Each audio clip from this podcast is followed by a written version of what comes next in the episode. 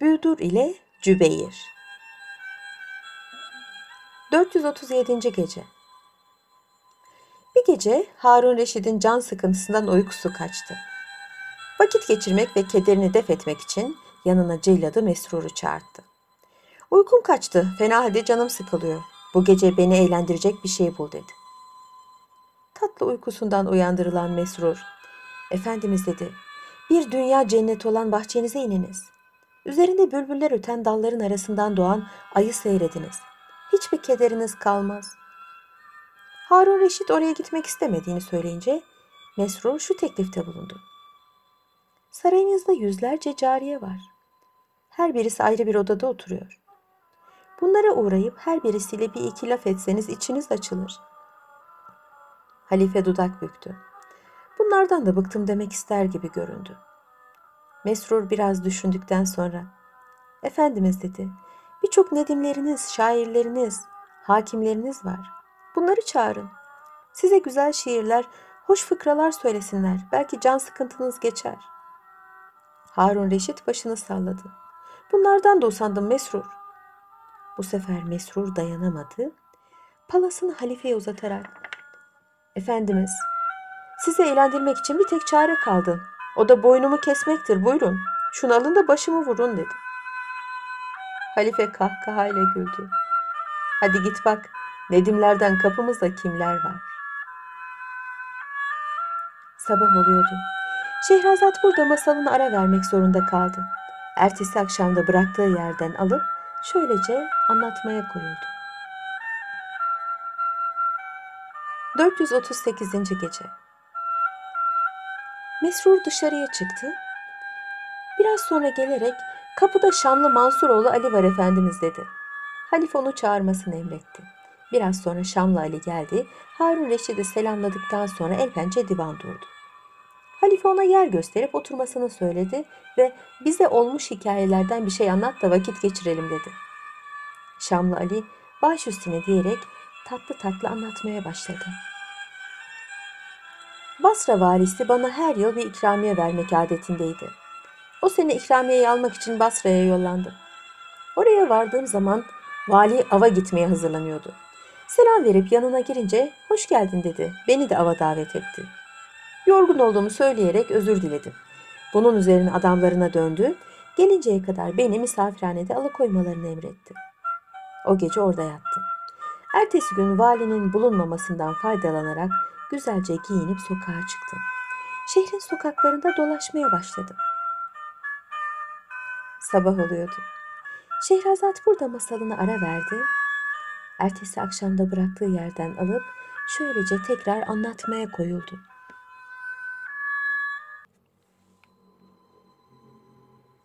...439. Gece Nihayet öyle bir sokağa geldim ki orada yolumu şaşırdım. Üstelik fena halde de susamıştım. Önünde bir şadırvan bulunan büyük bir evin kapısı önünde durdum. Kapı aralıktı. Kapı kanadının ardındaki perdeyi aralayarak başımı içeriye uzattım. Kulağıma tatlı bir ses geldi. Biri gazel söylüyordu. Gidin yare söyleyin, şifa olsun yarama. Yazık ölecek deyin, ölsün demesin ama. Bu güzel sesin sahibini görmek için bir adım daha atarak perdeyi araladım. Kara kaşlı, kara gözlü, son derece güzel bir kızla karşılaştım. Kımıldanmama vakit kalmamıştı. Sert bir tavırla, aklaşan saçından utanmıyor musun? Tanımadığın bir eve girip elin kızlarına ne hakla bakıyorsun diye çıkıştı. Boynumu bükerek, affedersiniz, ben bu ülkenin yabancısıyım. Çok susadım. Kapınızı açık görünce evinize girip su istemeyi düşündüm diye cevap verdi. Yine sabah oluyordu. Şehrazat burada da masalını ara vermek zorunda kaldı. Ertesi akşam da bıraktığı yerden alarak şöylece yeniden anlatmaya başladı.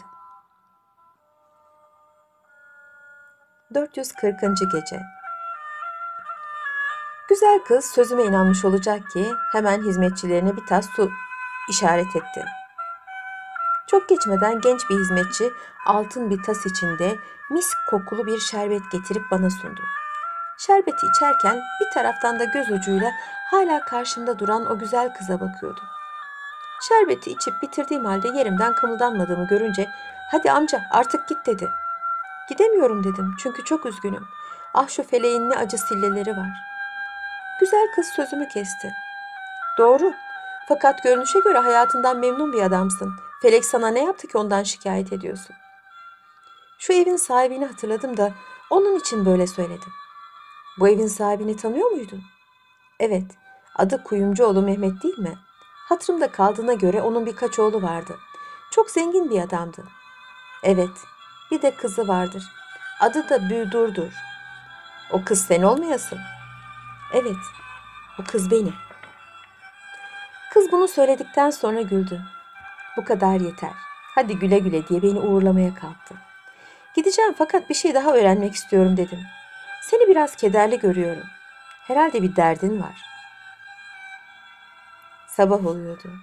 Şehrazat burada masalını ara verdi. Ertesi akşam da bıraktığı yerden alıp şöylece tekrar anlatmaya koyuldu.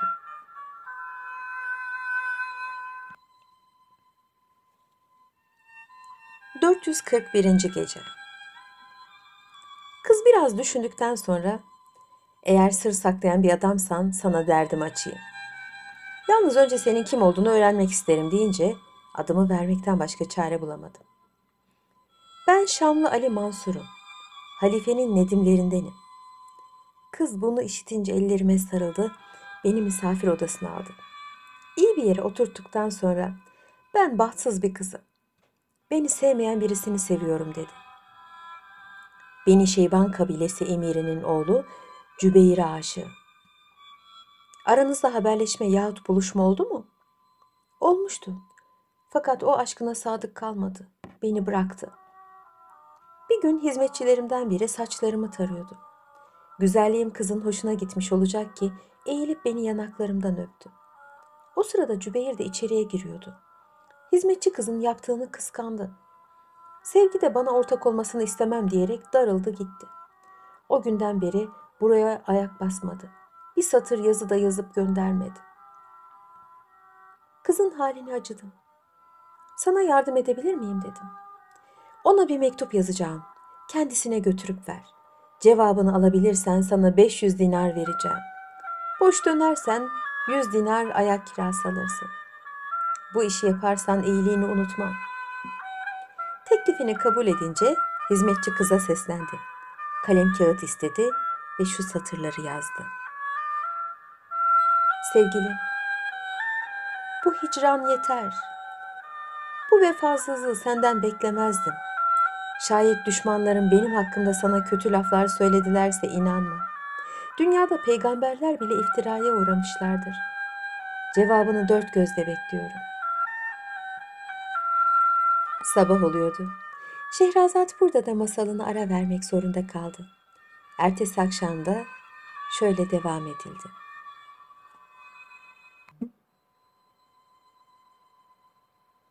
...442. Gece Büyüdür mektubu imzalayıp kapadıktan sonra bana teslim etti. Ben de onu alıp Cübeyr'in evine gittim. Kendisini bulamadım. Ava gitmişti.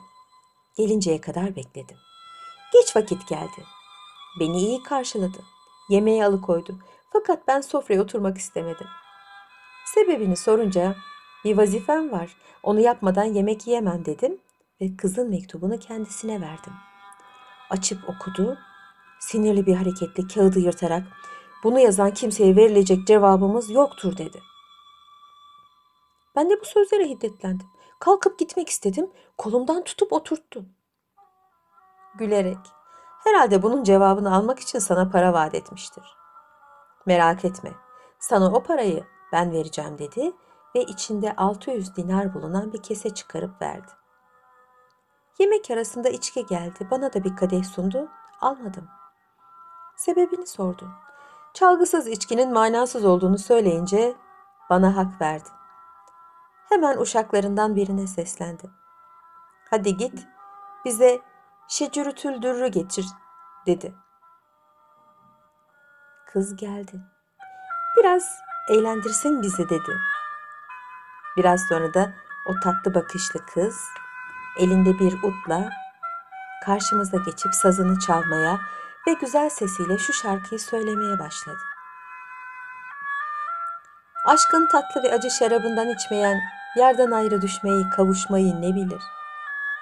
Gönlü sevgiyle dolup kendisinden geçmeyen, yanmayı, yakılmayı, tutuşmayı ne bilir? Ben de güler geçerdim aşıkların haline. Fakat gönül verince bir güzele vuruldum. Anladım ki aşk denen yaramazın eline düşen iflah olmuyor. Ben de öyle vuruldum. Ah ne tatlı geçmişti o vuslat geceleri. Kevser şarabı içtim yarimin dudağından. Çözmeden sabah oldu tatlı bilmeceleri. Çıkamadım içine düştüğüm aşk ağında. Felek bizi ayırdı. Kim bilir şimdi nerede? Zaten kime dost olmuş o vefasız nazlı yer. Gönül düşmeye görsün sevgi denilen derde. Yanar ta haşre kadar, yanar ta haşre kadar. Kızın söylediği şarkı bitince genç emir acı bir feryat kopararak düşüp bayıldı. Bunu gören kız bana döndü. Bu şarkı söyletmeyi de nereden çıkardınız? Aylar var ki Efendimiz çalgısız içki içiyor. Bu hale düşmekten çekiniyordu dedi. Sonra beni alıp başka bir odaya götürdü. Buraya yatağınız yapılmıştır, rahat ediniz dedi. Odaya girip hazırlanan yatağa uzandım. Ertesi gün erken kalkıp doğru bir durun yanına gittim. Beni görünce işim olmadı değil mi dedi. Sabah oluyordu. Şehrazat burada masalını ara verdi. Ertesi akşam da bıraktığı yerden alıp şöylece tekrar anlatmaya başladı.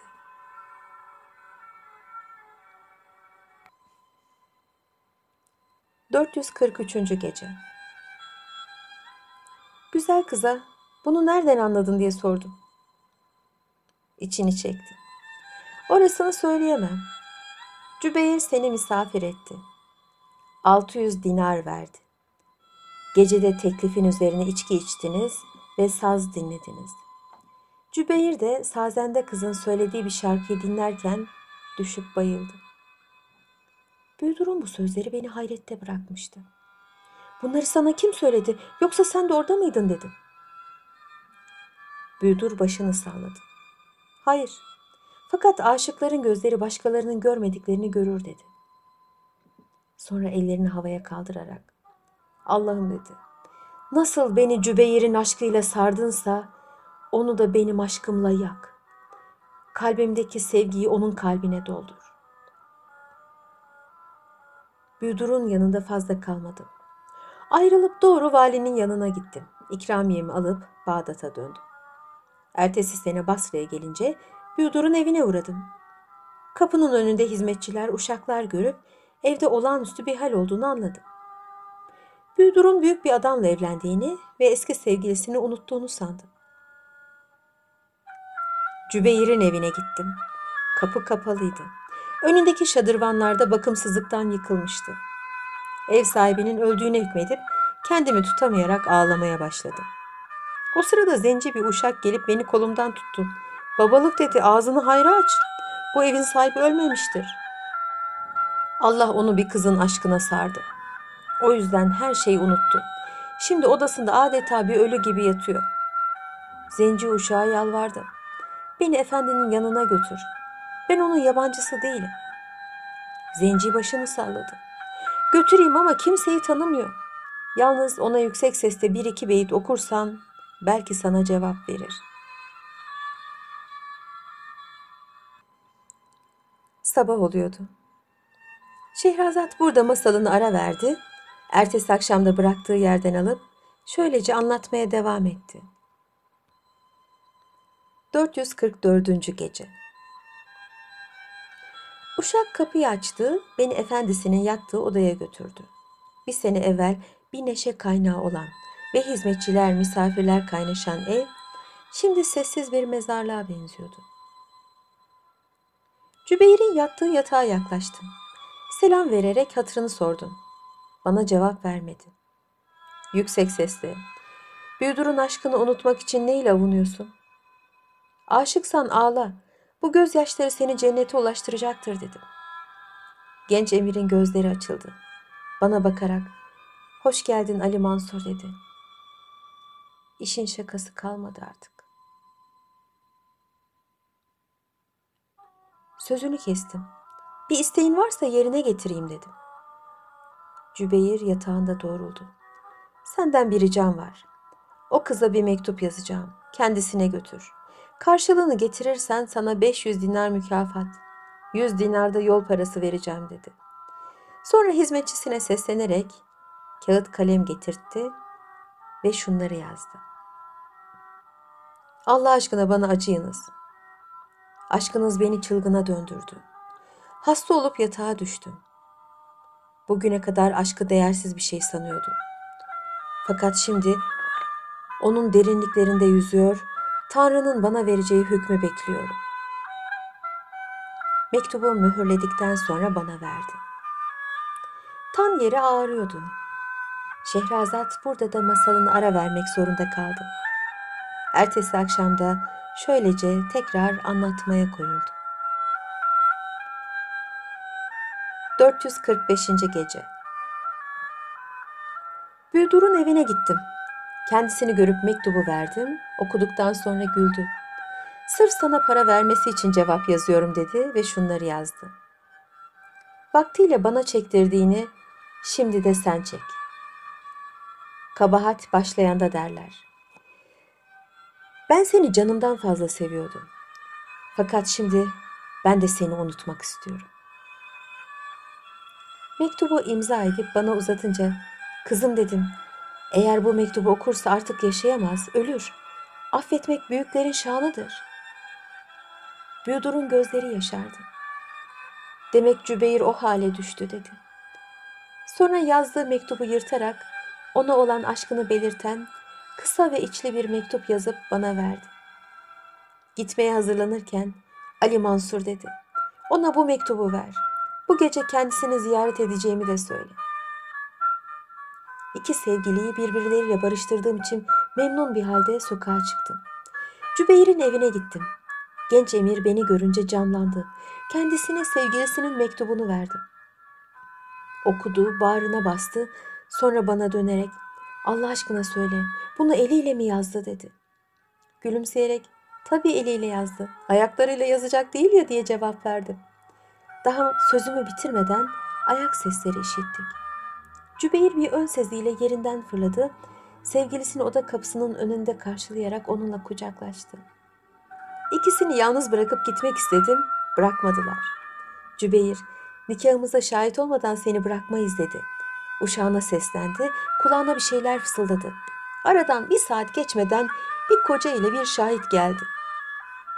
Kısa bir törenden sonra Cübeyr ile Büdur'un nikahları kıyıldı. Sabah olmak üzereydi. Şehrazat burada masalını ara verdi. Ertesi akşam da bıraktığı yerden şöylece anlatmaya devam etti. 446. Gece Hoca ile şahit gittikten sonra ben de gitmeye davrandım. Yine bırakmadılar.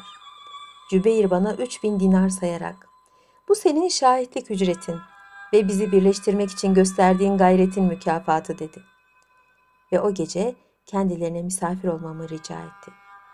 Hatırını kırmadım. Bana ayrılan odaya girip yattım.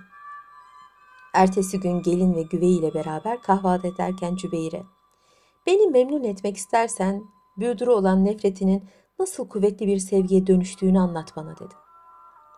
Cübeyr baş üstüne diyerek anlatmaya başladı. Bir bahar bayramıydı. Basra halkı bu bayramda kayıklara binip denizde gezinti yapar.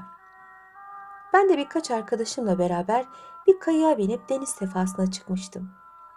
O sırada yanımızdan içinde birbirinden güzel on genç kızın bulunduğu bir sandal geçti.